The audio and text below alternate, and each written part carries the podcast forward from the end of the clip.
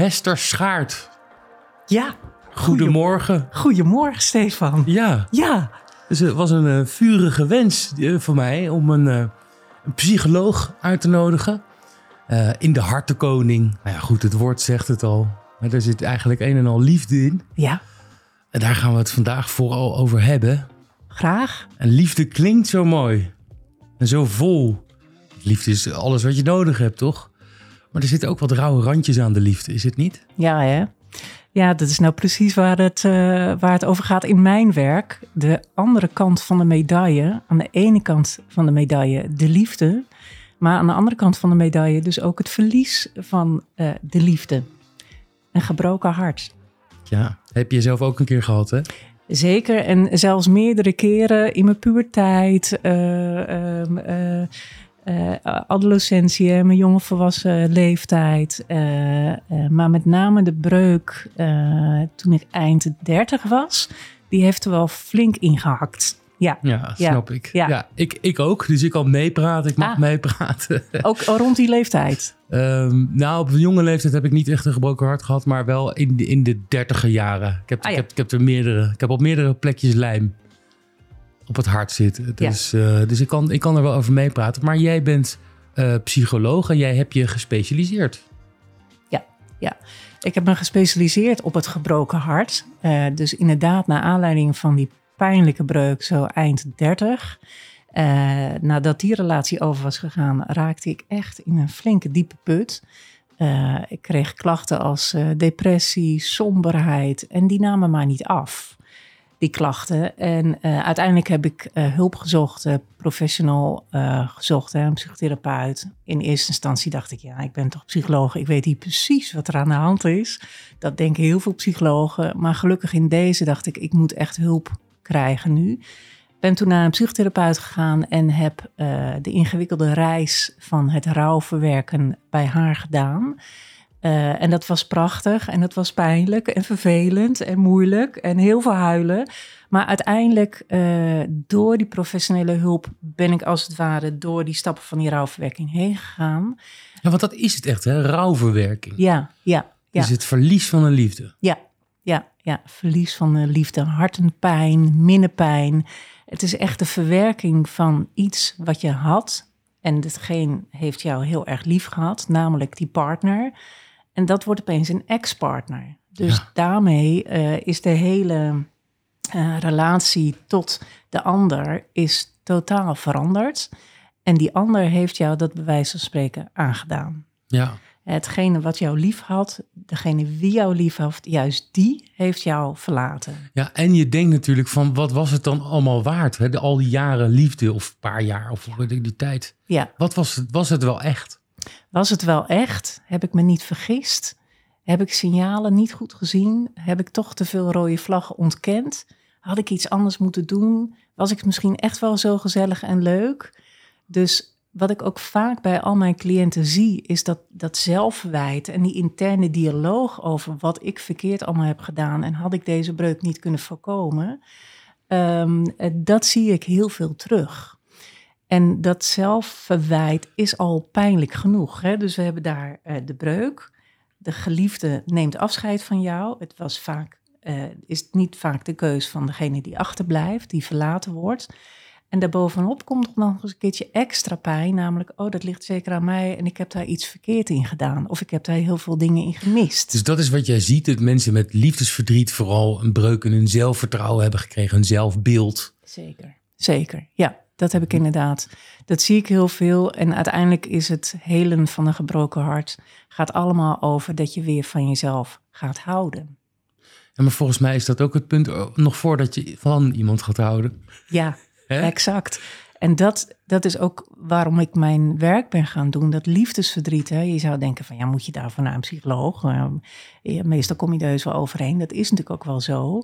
Maar als je in de ondergrond van je eigen persoonlijkheid te weinig van jezelf houdt en te veel beschadigingen mogelijk in die zelfliefde hebt opgedaan, dan is liefdesverdriet een uh, grote pijn. Ja, nou dat is wel dus- iets wat ik kan beamen. Ja. Ik ben uh, denk minstens een jaar, anderhalf jaar in, in therapie. Niet in liefdesverdriet therapie, maar wel in therapie gegaan na mijn laatste relatie. En ja, daar begon ik natuurlijk van. En ze deed dit en ze deed dat. En, en verschrikkelijk. En dit allemaal heel erg wijzen, weet je wel. Ja. Maar uiteindelijk er toch ook achter komen. eh, ja, waarom blijf je dan zo lang in een relatie hangen als die niet goed is? Ja. Ook omdat ik gewoon, ehm, ja, op het moment dat ik voor iemand moet zorgen of ergens mee bezig ben of de focus op iemand anders heb, hoef ik niet aan mezelf te werken. En ik dacht altijd dat ik ontzettend veel van mezelf hield. En dat, eh, dat er zelfliefde was en zo. Maar dan kom je er toch achter, nee. Dit lag echt ook grotendeels bij mij. Dat Ja. je zo lang iets kan laten duren. Hè? Dus op dat moment heb je echt de overtuiging van dit was de liefde van mijn leven. En zo langzaam, langzamerhand kan ik er wel op terugkijken. eh, dat ik denk van ja, die liefde was echt, want die liefde was van mij. Ja, precies, precies. En dat is ook waar de grootste heling in kan zitten. Hè? Dus heel veel mensen die bij mij als cliënt zeggen... ja, ik ben alles kwijtgeraakt en nu moet ik mijn hele leven weer opbouwen. En eh, wie ben ik eigenlijk nu zonder die ander? Eh, eh, ik probeer altijd de boodschap te geven, maar één ding ben jij niet kwijt. Sterker nog, dat kwam heel erg naar voren in deze relatie, namelijk dat je de kunst hebt om lief te hebben. Ja, En liefhebben is iets wat nooit en niemand van jou kan afpakken. Geen enkele ex. Nee. Eh, eh, ook als er meerdere relaties zijn, uiteindelijk is een mens altijd weer in staat om zich te hechten. En bij sommige mensen is dat heel spannend met kleine stapjes. Maar uiteindelijk die liefde eh, kan nooit worden afgepakt. nee. Dus je zou kunnen zeggen op het moment dat je last van liefdesverdriet hebt, dan ben je in staat om lief te hebben. Exact. Het is een mooie positieve belabeling eigenlijk van liefdesverdriet. Ja. Ehm, en, eh, eh, en, en, en zeker in de eerste sta- stadium, zeg maar, na relatiebreuk, dan is de pijn nog huizenhoog. Precies wat jij zegt. En dan zeggen mensen van ja, maar het ligt allemaal aan die ander. En ik had niet verlaten moeten worden. En wat heeft hij eh, onze kinderen aangedaan? En ons gezin is uit elkaar gescheurd. En de familie is gepolariseerd. En vrienden Ja. hebben keuzes. En, en, en, en. Dat is allemaal waar. Maar uiteindelijk zul je na de boosheid en het verwijt naar die ander moeten kijken van ja, oké, eh, hoe staat het er nu voor? En wie ben ik? Ja, ja dat, dat En- laatste is het allerbelangrijkste. Is het allerbelangrijkste. Dus het gebroken hart geeft ook een waanzinnige kans om eh, eh, je eigen identiteit weer op te bouwen en jezelf te helen. Ja.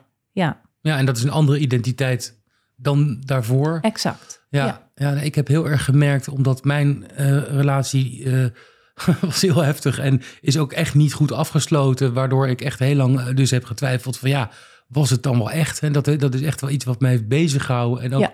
waar ik me boos om heb gemaakt. Want Ja. hè, je, je geeft alles, eh, dat is wat je wil, want je denkt dit is de liefde van mijn leven. Dus ja, ik ben echt wel tot het gaatje gegaan en, en heb alles wat ik in me had gegeven. En dat Bonkie die weet dat ook. en eh, ehm, dan denk je echt van, eh, het was allemaal voor niks. Maar dat, dat, dat, dat, dat heeft natuurlijk helemaal geen zin om daarmee bezig te zijn. Want het, het heeft wel degelijk zin. Want je, je trekt er zo'n ontzettende les uit. En al die liefde die je hebt beleefd en al die tranen, die komen allemaal uit jou en horen bij jou. Exact, exact, inderdaad. Die, die komen eh, vanuit jouzelf. En ja, er zijn echt wel manieren om, om die te helen. En dat is niet een soort quick fix. Dat zou Nee. heel slecht zijn, echt, zeg maar, als je een relatie van jaren achter de rug hebt. Ja, niet van jou dat ook later. ja, Ehm, ja, dus je- je- de- er zijn een aantal stappen in die verwerking die daarin belangrijk zijn. Ja, kun, Ja. kun je een aantal van die stappen benoemen zonder inderdaad eh, aan te nemen dat het een quick fix is. Maar wat, wat is waar je, waar je mee begint Nou, aan te werken? Ehm, kijk, er zijn een aantal valkuilen, zeg maar, eh, eh, die, eh, waarin ik ook enorm denderde als je eh, hart is gebroken door de ander. De eerste valkuil is, en dat heeft alles met je brein te maken, ehm, eh, eh, is dat je ervan overtuigd bent dat dit verdriet nooit meer overgaat. En die valkuil heeft te maken met dat je neurologisch echt, hè, er is heel veel wetenschappelijk onderzoek ged- gedaan naar liefdesverdriet. En daarin zie je eh, dat het brein echt totaal van slag is. En dat het brein echt pijn ervaart. Ehm, en eh, door die pijn kom je in een staat van een depressie terecht. Dus mensen met liefdesverdriet die komen overeen met mensen met een depressie. Dus je Ja. hebt eigenlijk een depressief brein, zouden we kunnen zeggen. Maar zou ik dat ook mogen benoemen met dat iemand last krijgt van depressieve gevoelens? Want ik, Zeker. ik vind het zelf heel lastig om mensen worden heel snel bestempeld met een depressie. Ja, En dat vind ik altijd een beetje lastig, want ook op het moment dat ik dat zou horen, dan heb je dus in één keer die stempel. Ik denk dat het prettiger is om te zeggen depressieve gevoelens. Ja, je hebt depressieve gevoelens inderdaad. En die, die, hebben dan, uh, uh, die nemen dan een tijd in beslag. En uiteindelijk als dat hart wordt geheeld en als die rouwverwerking uh, vlot wordt getrokken... en uiteindelijk dat je daar een paar stappen in maakt... dan zie je dat die depressie ook weer afneemt. Dus die depressieve klachten, die somberheidsklachten, die nemen weer af. Ja, en dat, werkt dat hetzelfde als bij rouw? Ja. Dus ja. het brein dat is net zo beschadigd en ja. Ja. geraakt als door... Oké, okay. ja. dat, is, dat vind ik wel Eigenlijk best wel een, een, een mooi beeld. Uh, kijk, uh, rouw is ook iets waar, je, waar, waar, waar, iedereen wel mee te, krijgen, mee te maken krijgt ja. op een bepaald moment. We hebben allemaal als mensen te maken met verlies. Hè? of een kind wordt ziek, of we raken onze baan kwijt, of het huis waar we altijd heel fijn en gelukkig hebben gewoond wordt afgebroken. Um, er zijn allerlei soorten verlies in een mensenleven. En ik denk dat we als mensen niet moeten pretenderen om dat gewoon allemaal maar tegen te willen gaan. Dat kan niet, daar hebben we geen grip op. Nee. We zitten als mensen nee. allemaal in hetzelfde schuitje met verschillende soorten verlies. Het leven is dualiteit. Ja, precies. Dus ja. Uh, ik denk dat accepteren is al een, een hele grote stap. Ja. Maar dus, dus, dus ik, ik kom bij jou uh, op, op, consult of ik heb een intakegesprek en ik zeg, ik ben echt helemaal, ik ben alles kwijt. Mijn motivatie, ik ben 30 kilo aangekomen en ja. ik, ik weet het niet meer. Ja. Kun je me helpen? Jazeker, ja. Waar moet ik beginnen? nou, dan ga, ik vertellen, dan ga ik heel veel vragen aan je stellen. Dus uh, we gaan met elkaar het gesprek aan. En ik probeer af te stemmen op wat jij mij vertelt. Uh, en dan gaan we eerst maar stilstaan bij het begin. Hoe is de relatie ontstaan? Wat heb je gevoeld voor die ander? Wat voel je nog steeds voor die ander? En hoe is het uiteindelijk gestopt? Wiens initiatief was dat? Mm -hmm. En welke klachten heb je daarna opgedaan? En daar gaan we bij stilstaan. En vervolgens gaan we kijken, oké, okay, um, hoe uh, ben je eerder omgegaan in het leven met verlies? Hoe ga je sowieso als mens om met pijn? Uh, wat was de dialoog en de dynamiek tussen jou en de ander?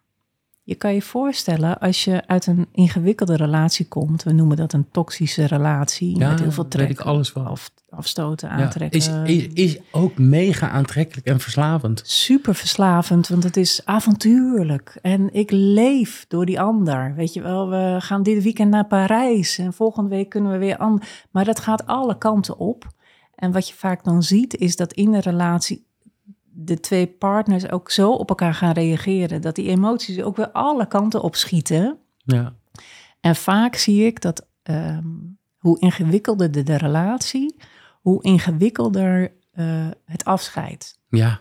Dus ook in het afscheid aantrekken, afstoten. afstoten. Afscheid nemen, het is weer uit, dan weer aan. En dan zie je ook vaak dat er allerlei knipperlichte dynamiek ontstaat. Ja. Is er een goede manier om een relatie te beëindigen? Bestaat er een gezonde manier?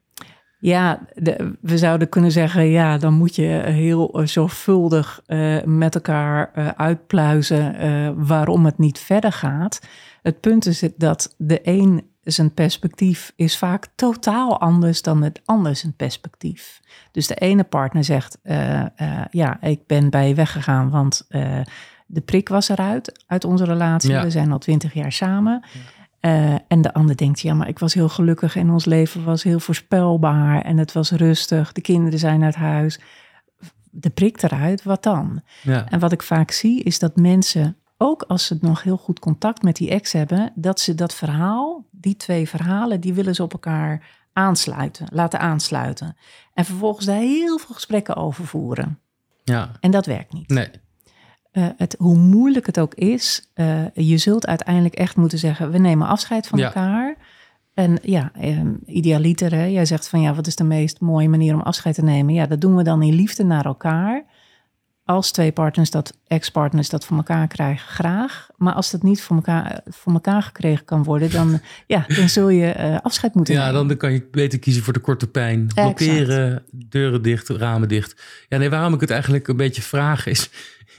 Kijk, er wordt, er wordt minder waarde gehecht aan een huwelijk, aan trouwen. Waarin je elkaar die beloftes officieel doet. Nee, Bonkie, dat mag niet. En um, uh, waar de hele familie getuige van is, et cetera, et cetera. Ja. Dat, dat zien we veel minder. Maar ik, had, ik hoop gewoon dat er een soort van ongeschreven regel, ja, die gaat ze daarop drinken hoor. Uh, een soort, kijk, het is, het is een beetje net als met boodschappen doen. Als je in de rij staat bij de kassa, dan zie je dat eigenlijk de helft van de mensen, uh, als ze klaar zijn met de boodschappen op, hun, op de band te zetten en zo'n dingetje erachter doen, ja. en de helft doet het niet. Ja. Ik vind dat persoonlijk heel irritant en ook respectloos. En um, vaak ook nog om het vererger te maken dat ze pas hun pinpas gaan pakken op het moment dat, dat het bedrag. Uh, dat ik denk, weet je, dit is een soort ongeschreven regel, jongens. Weet Dit is een mooie metafoor. Ga ik van je gebruiken de komende tijd. Dank je wel daarvoor. De metafoor is van ja, je moet eigenlijk bij een afscheid moet je het, uh, dat balkje ertussen ja. gaan zetten.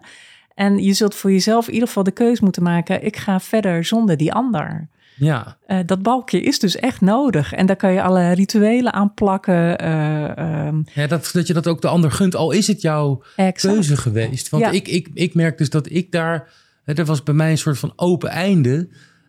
Het was wel echt een einde, dat was duidelijk. Maar je, wilde dat toch nog een soort van... Omdat er zoveel gebeurd is, het op een of andere manier liefdevol bestempelen en beëindigen. Ja. Ik denk dat dat mij enorm had geholpen om, om met rust ergens in te gaan. En nu heb ik heel lang uh, ja, lopen zweven in iets en zitten twijfelen. Dat, dat, Zweven in niemandsland. In niemandsland. Ja, zo ja. van, is, gaan we nou nog bij elkaar komen? Ja, of, of, of, komt er nou nog contact? Was het nou echt of niet? Of is dit nou tijdelijk? Of oh, ja. je weet het gewoon niet, weet je wel? Dus kijk, de, de, de liefde is, is nog heel lang levensecht. Maar de partner is er niet meer. Exact. Dat is mooi dat je dat zegt. Hè? Dat is eigenlijk in navolging wat ik zei. De, de, de liefde kan gekoesterd worden en die blijft altijd bij je. En die liefde, die was ook echt echt in Ja. die relatie. Ja, nee, ja in mijn blijft. geval zeker. Ja. Dus ja, en die blijft. En dat je dat inderdaad op een of andere manier kan koesteren. Dat is zo fijn dat je dat gewoon toch een plekje in je kastje met een, met een oude brief en of een boekje. Ja. Dat je denkt van dit was ooit en dit was echt. In plaats van dat, dat, je, dat je toch verandert in de haat en nijd. Ja, Eh, ja. Want dat helpt natuurlijk nooit. Nee, dat helpt nooit. En, en, en, en, en wrok en nijd en haat gaat altijd in je lichamelijke systeem zitten. En daar word je ziek van. En giftig. Giftig. En de pest is, dat komt altijd weer bij een volgende relatie tevoorschijn. Eh, dus dat is ook altijd wel de opdracht die mensen hebben, denk ik, als ze een gebroken hart hebben. Gaat nou eerst helen en wacht even met een nieuwe relatie. Ja, nou, dat, dat, dat vind ik ook een interessant punt. Eh, ik heb zelf absoluut wel een wens om een relatie te hebben. Eh, maar ik vind, het, ik vind het heel raar om te zeggen, ik acht mezelf niet klaar. Ik wil nu geen relatie, omdat ik in een bepaald proces zit en merk dat ik nog niet eh, die volle overgave in in een, in aan een partner kan geven. En dan zou een partner kunnen zeggen van ja, dat hoeft nog niet, whatever. Het lijkt me gewoon nu nog niet een, een, een goed idee, omdat ik echt zie eh, ontzettend veel mensen om me heen in een relatie. Ik had al acht relaties kunnen hebben de afgelopen jaren. Niet uit arrogantie, maar had gekund. Ja, Maar er zijn zoveel mensen die dan van de een in de andere relatie stappen. En dat is gewoon een, een relatie uit afleiding om, om, te, om, om, om, om een vorige relatie te verdoezelen. Of Ja. zie je dat ook vaak, dat mensen Ja. gaan hoppen? ja. Gaan hoppen en ik zie... eh, ik kom nog wel eens het verschil tegen tussen hoe mannen en vrouwen dat doen. Ik zie dat mannen vrij snel inderdaad weer een nieuwe partner wensen. En ook daar allerlei acties op gaan zetten. Dus te gaan daten en, en af te spreken. En om zich heen te zeggen van ik ben weer toe aan een nieuwe relatie. Dat ik denk, je bent twintig jaar getrouwd geweest. Dan moet jij niet eerst eens even zo. Ehm, en eh, ik zie vrouwen iets meer de neiging hebben om bij zichzelf eerst maar eens wat rustiger aan te doen dit uit te zoeken voor zichzelf, die helingsreis door te maken en, en even te wachten. Alsof vrouwen het risico van opnieuw weer zich te gaan hechten eh, heel groot inschatten. Soms ook terecht, denk ik. En dat mannen, omdat mannen over het algemeen ook gewoon mensen, mannen zijn die, die een probleem willen oplossen. Als Ja. je als man wordt geconfronteerd met een probleem, dan wil je het op, oplossen, aanpakken. Zeker. Primair. En, en primair, dus dat is ook waarom mannen eh, gauw weer doorgaan naar Ja, een nieuwe ik- relatie. Ik zal eens eh, kijken of ik dat. Ik heb ik ken een helemaal heel mooi plaatje. Of het is eigenlijk een soort strip waarin je ziet dat stel dat het uit elkaar gaat. Dan zie je dat die man meteen gaat feesten, rondneuken, de hele mikmak. Ja, En de vrouw die gaat in een hoekje zitten huilen. En dan uiteindelijk dan zie je eh, eh, dat de vrouw weer tot leven komt en gaat bloeien. ja, En, en, en iemand tegenkomt en in, een- in, in, in een stabiele relatie terechtkomt. En dan pas later dat die man bedenkt van wat heb ik nou gedaan? Exact. En, ik zie ontzettend veel pijn op het moment dat die volgende relatie dan overgaat. Uh, door wat voor reden dan ook. Misschien heeft die nieuwe partner toch gevoeld van... goh, mijn vriend is toch veel te veel bezig inderdaad met zijn ex. Dan gaat het over en dan ontstaat een enorme emotionele pijn bij mannen. Dus ik juich het altijd toe als ze bij mij in mijn praktijk komen. Ik denk, doe dat nou en ga ja. erover in gesprek. Ja, ja, snap het. Ja, ik, ik, wat, ik heel, wat ik heel veel ben tegengekomen, want ik heb natuurlijk wel gedate. En op dating sites, ik heb ze onlangs allemaal afgemikt, want het, het, mhm. het, bracht me echt niks meer. Je ziet, dat is echt een hele cultuur. Hè? Ik weet niet of je daar ook mee te maken hebt. Mensen zullen het veel over dating apps hebben, denk ik ook bij jou. Die weer opnieuw proberen te beginnen. Ja. Ehm, je wilt toch een soort lijn met de andere seksen hebben. En die, ben ik nog wel in trek en ben ik nog aantrekkelijk en ja. een afspraakje krijgen. Maar die gesprekken op dating apps, ja, dat ik vind, ik noem het de aars van de wereld. Het is echt verschrikkelijk. De gesprekken bloeden dood. Al, al, waren de eerste woorden, hey, hoe is het leuk, leuke match, goed met jou. En vervolgens ja, ben ik weer midden in iets anders bezig en ik, ik heb een dag niet geantwoord. Of de match is verdwenen. Ja. Of ik zeg wat en dan pas na twee dagen krijg je een antwoord. Het werkt gewoon niet. Nee, niet voor mij. Nee. En wat daarbij komt, wat, wat mij toch wel echt erg afstoot, ehm, eh, is als ik een profiel zie van een dame waarin niks, uh, leuke foto's, spreekt me aan. En dan staat er onder uh, in hoofdletters no ons of VWB. Eerst moest ik dat opzoeken een paar jaar geleden. Dus dat is geen one night stand en geen friends with benefits.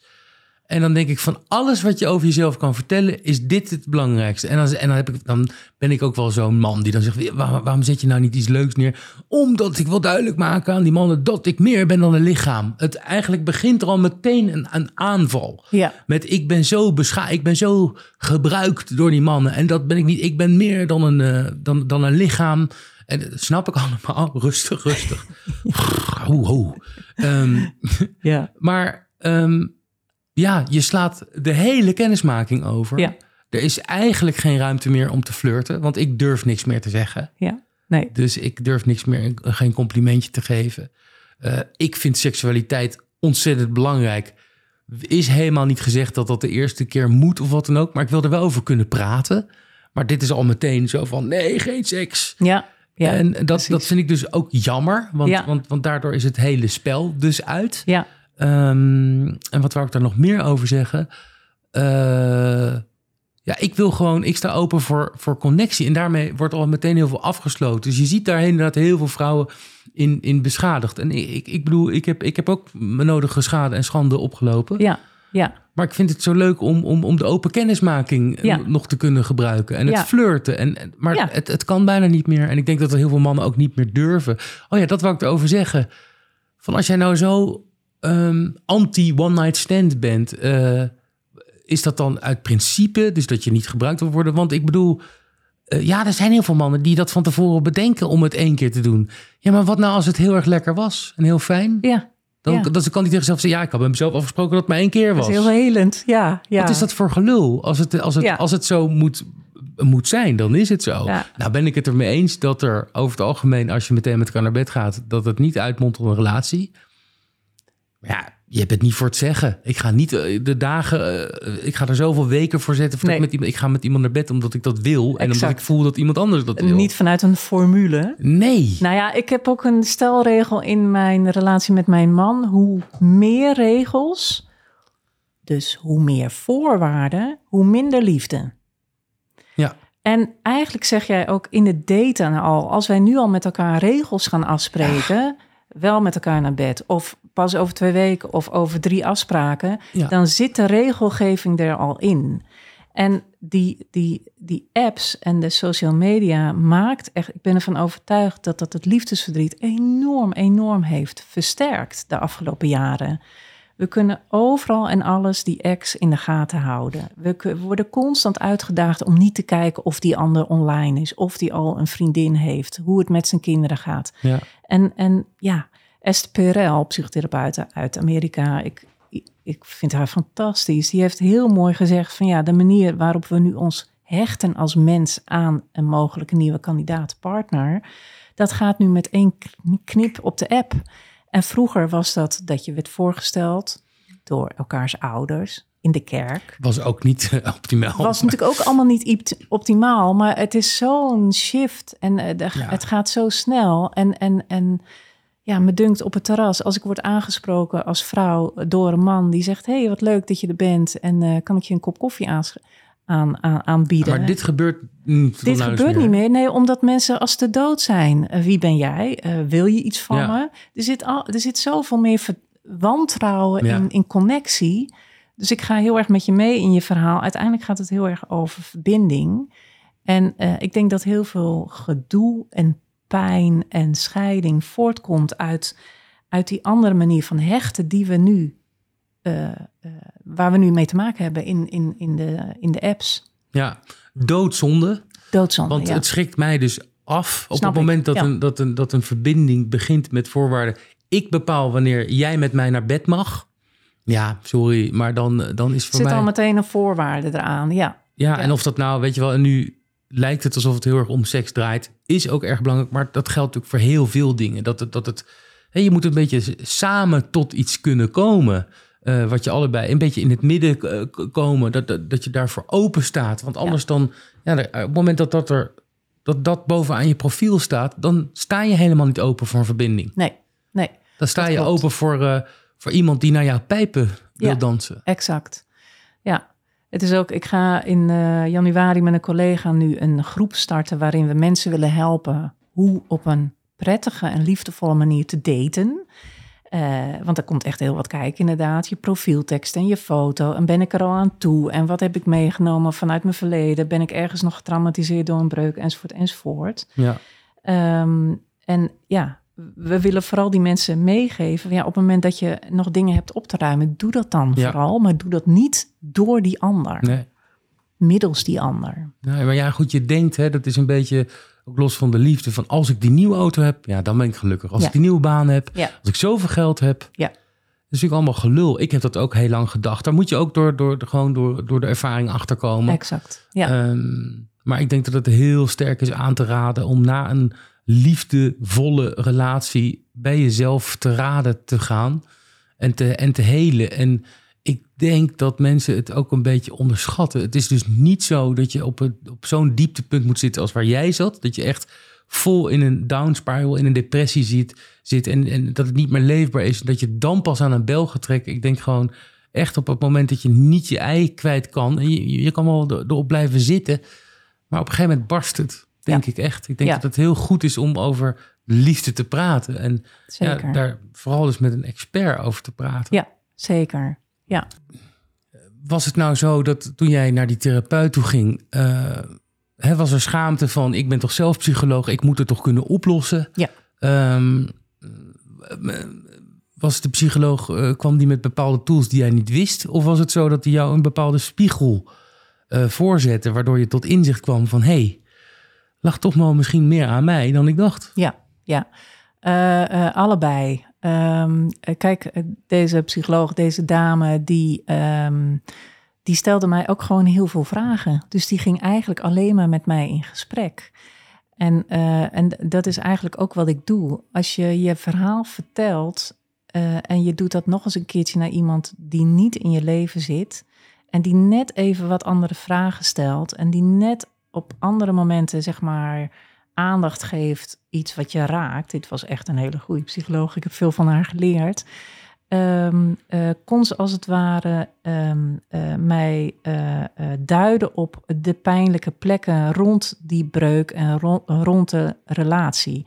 Dus enerzijds door het vertellen van mijn eigen verhaal werd het kalmer en rustiger in mijn hoofd. Ik werd erkend op de pijnplekken, zeg maar.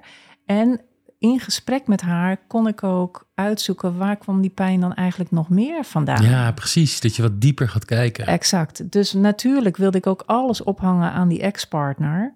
Eh, maar er zaten echt ook wel dingen in mij. eh, bijvoorbeeld dingen in de relatie tot mijn vader. eh, dingen die ik niet goed had verwerkt. En dat kwam allemaal zomaar weer tevoorschijn rond deze breuk. Ja. En dat is de pest met een liefdesbreuk. Je wordt zo genadeloos geconfronteerd, niet alleen met de liefdespijn en de breuk van die relatie, Maar het gaat nog veel, het, het, het, het gaat meteen in een soort snelweg door naar Ja, een diepste, eerder de diepste krochten. Exact, diepste Ja. krochten, een eerder verlies, een eerder trauma, eh, iets eh, van echt mijn hele vroege kinderjeugd. En dat pakte zij in gesprek. Dat is natuurlijk ook niet in twee gesprekken, het was gewoon Nee. een therapeutisch proces. Kwamen we daar steeds meer achter. Dus het werd laag voor laag, wordt laag, werd het afgepeld. Ja. En eh, nou, dat, dat, dat, ik, ik kan me nog herinneren als ik daar dan al heen reed. eh, de eerste paar keer dacht ik, oh, ik wil dit niet. Oh, dit gaat, weet je, het gaat zo zeer doen. Ik Ja, maar want, dit is het dus. Het is, was eigenlijk van misschien dat het jezelf niet lukte hè, om die diepte in te gaan. Dat je het Exact. misschien niet durfde. Maar dus, Exact. dus daar komen we een beetje waar we het in het begin over hadden. Is Ja. dat is toch weer ook een beetje de angst. Ook weer hier de smeerolie is van de liefdesverdriet. Het is ook de angst voor de confrontatie met jezelf Exact. en die diepe krochten. Exact. Ja, ja, ja, ja. Dat is het. En, en, een, en een goede psycholoog moet dat kunnen. Omdat wij als psycholoog natuurlijk ook opgeleid zijn in, in kinderpijnen, in trauma, traumaverwerking eh, en dat soort dingen. En uiteindelijk gaat het bij ons in de praktijk 9 van de 10 keer daarover. Psychische klachten hebben eigenlijk altijd wel hun oorsprong in eerdere pijnlijke ervaringen. Ja, en door erover te praten kun je die patronen Ja, overschrijven. ja, ja, precies. Ja, Ja. En, en zien. En dan ook weer terug naar het nu. Hè? Want nu is het leven anders. Exact. Het verleden bestaat niet. In de toekomst komt je toe. Exact, exact. En ik, ik, we hadden het net over die schaamte. Er was ook nog iets wat ik me realiseerde waar ik me ook enorm voor schaamde. Is dat ik als een gek ging daten. Tijdens mijn liefdesrouw. En eh, ik, ik durfde dat niet altijd tegen vriendinnen te zeggen. Want die vriendinnen zeiden, doe slet." dat dan ook gewoon niet. Weet je, of het is, weet je, begin daar gewoon niet aan. En natuurlijk ook allerlei avonturen daarin beleefd. Maar ik had nog zo'n kwetsbaar, broos hart. eh, dat als ik dan bijvoorbeeld eh, met iemand mee was gegaan met een man en ik bleef die ochtend alleen achter, dan doet het weer zo'n ontzettend zeer. En iedere vriendin zei: Ja, de Hes, Ja. doe dat dan ook niet. Ga niet inderdaad heel veel wijntjes drinken met iemand en, en eh, bescherm jezelf. Maar waarom denk je dat mensen dat toch gaan doen? Omdat je op dat moment zelf vergeet je het of zo. Ja, kijk, Voel je je eh, geliefd. eh, is, is, liefdesverdriet is gewoon scherp. Het is scherpe pijn, weet je wel? Alsof je met je voeten in Ja, maar waarom ga je dan opzoeken om, om met, met, met, met, met anderen te gaan daten of, of te gaan seksen? Omdat je een soort, in een soort mindfuck komt... eh, waarbij je denkt, die ander die gaat mij helen. Eh, met deze ander gaat het wel lukken. Ja, En als ik dat dan niet meer had bedacht, dan had ik bedacht, nou, dan heb ik in ieder geval een leuke avond. Ik, Ja. nou, ik, ik, heb, ik verdien dat toch? Ik heb toch dan toch een leuke avond? ja, dat is geen misdrijf. Is geen misdrijf. Maar uiteindelijk merkte ik gewoon, als ik dat dan een paar keer toch had gedaan, ik, oh, dit moet ik gewoon niet meer doen. Het is te pijnlijk. Het, is, het moet je gewoon niet doen. Je moet jezelf daarvoor beschermen. Ja. ja, ik vind dat ook wel bijzonder. Want ik heb dat ook gehad en gedaan. Maar ik vond dat niet pijnlijk. Nee? Oké. Ik, ik durf wel te zeggen van het heeft me niks gebracht. Maar ik had wel een leuke avond. Ah, kijk, gelukkig. Ja, dus ik, eh, joh, ik heb een tijd gehad en dat is helemaal niet, eh, maar gewoon om vrij te spreken. Ik heb wel een rock'n'roll eh leven gehad en ik, ja, ik kan ze denk ik niet meer tellen. En ehm, ik heb van geen enkele spijt. Ik kijk met ontzettend veel respect en ook liefde terug naar One Night Stands. Oh. Al was het helemaal oké voor dat moment. Ja. Oh, dat is mooi. Dat je daar nu gewoon ook eh, die betekenis aan kan geven. Dat het Heb goed ik altijd voor je gedaan. was en dat het liefdevol was en dat je er geen spijt van had. Ja, nou, ik wil niet Ja. zeggen dat ik een hippie ben, maar het, het, het, het, het, het gebeurt. Hè? Ja. En, en, en je hebt er niet zoveel over te zeggen. Ik heb wel eens een vrouw ontmoet waarvan ik dacht, oh, die is way out of my league. Dat die zonder kleren met mij in bed wil liggen.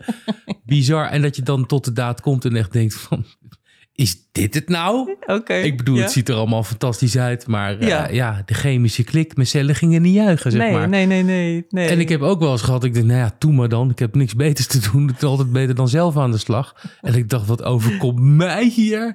Zevende hemel, seks. Ja, je hebt het niet voor het zeggen. Je, hebt het niet, je kan het niet helemaal van tevoren helemaal uit, eh, uittekenen, inderdaad. Nou, en dat vind ik zo jammer dus van, van de huidige tijd. Ja, Ehm, en van het daten. Hè? Dus een vrouw pretendeert open te staan voor eh, connectie. Maar dan de, de, de voorwaarden en de dingen Dus dan kan die chemie er ook al van huis uit nooit zijn. Nee, die wordt dan bijvoorbeeld al getorpedeerd, inderdaad. Ja, en ik heb zoiets van, ja, misschien uh, trouwen we niet met elkaar, maar hebben we in ieder geval hebben we in ieder geval een leuke avond. En ik kan daar met een, en ik zal nooit uh, snel iemand, ik, zal, ik ben altijd wel eerlijk en direct, weet je wel. Van ik zal geen gouden bergen beloven of wat dan ook. Uh, maar ik ben wel eerlijk en direct. Ah ja, ah ja, ja, ja. Nou, dat, dat doe je dan heel goed. Hè? Er zijn uh, helaas ook heel veel mensen die, die dan daar wat vagelig over doen. Of niet helemaal eerlijk zijn. Of en wat is dat dan? Dat die mensen die je ziet inderdaad, die anderen graag aan een lijntje houden. Is dat dan een beetje als een Jehovah getuige je voet tussen de deur houden van ik heb er nog een lijntje? Ja, bij wijze van spreken. Hè? Dat je, dat, dat, dat, ik, ik weet dat niet zo goed. Dat is eigenlijk een goede macht. vraag. Is dat macht? Of is het om, om, omdat je het zelf nog niet helemaal voelt? Ja, uiteindelijk gaat het toch ook over connectie maken met jezelf. En, en daar misschien niet open, open, openheid van zaken van durven te geven. Ik zie heel vaak dat, ook weer het man-vrouw verschil... dat mannen die gaan nog liever dood dan dat ze tegen hun geliefde... Uh, uiteindelijk heel erg openbaar kunnen zeggen van de liefde is tussen ons weg. dus heel veel mannen die lijken daar vaak heel lang mee te wachten.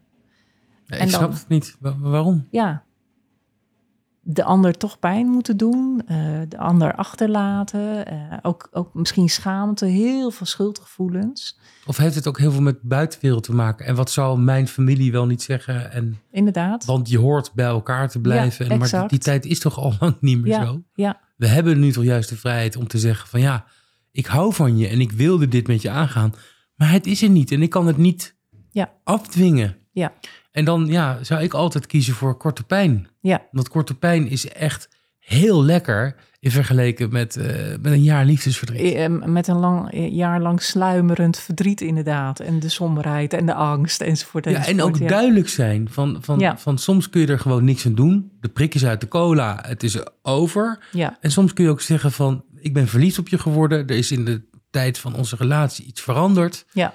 En uh, ja, dat vind ik gewoon niet meer zo aantrekkelijk. Je bent 20 kilo aangekomen of je bent 20 kilo afgevallen of je, je nieuwe werk en je bent alleen maar bezig met je collega's. Het spreekt me niet meer aan. Maar zeg het. Ja. Want dan kan iemand een boekje dicht doen. Ja, ja dan kan hij weer door inderdaad. Ja, ja. Vind dat je dat toch iemand wel minstens waar je een liefdesrelatie mee hebt gehad moet gunnen, toch? Ja, ja, zeker. Nou ben ik heel erg met je eens. Zo, en, uh, een boekje komen met ongeschreven regels voor de liefde. nou ja, en hoe zeg je tegen de ander dat het over is hè, tussen jou en de ander? Misschien moet ik daar nog wel eens wat dingen over opschrijven. Um, en ik bied het ook nog wel eens aan hoor. Is dat vrouwen of mannen bij mij uh, als, als, als partner die is achtergebleven. Uh, van joh, ja, we kunnen hier ook nog eens een keertje met je ex gaan zitten. En dan kunnen we het erover hebben. Wauw. Ja, maar het gebeurt niet. Nee. Dus ik denk dat iemand toch... Wil de achtergebleven partner dat dan niet? Of wil degene die weg is dat niet? De achtergebleven partner kiest daar dan toch niet voor. Ik denk degene die de keuze heeft gemaakt... is wel degelijk bereid om daar iets over te zeggen. Ja. Omdat hij vaak al 100 punten voor staat in de wedstrijd rouw. Hè? Als jij mij verlaat, dan sta ik 10 punten achter. En als jij daar al heel lang mee bezig bent... dan sta ik 100 punten achter in de, in de wedstrijd. Snap je wat ik bedoel? Um, dus als iemand gewoon echt weet van ja, eh, ik, ik wil niet door met die ander. Natuurlijk wil ik daar best iets over zeggen.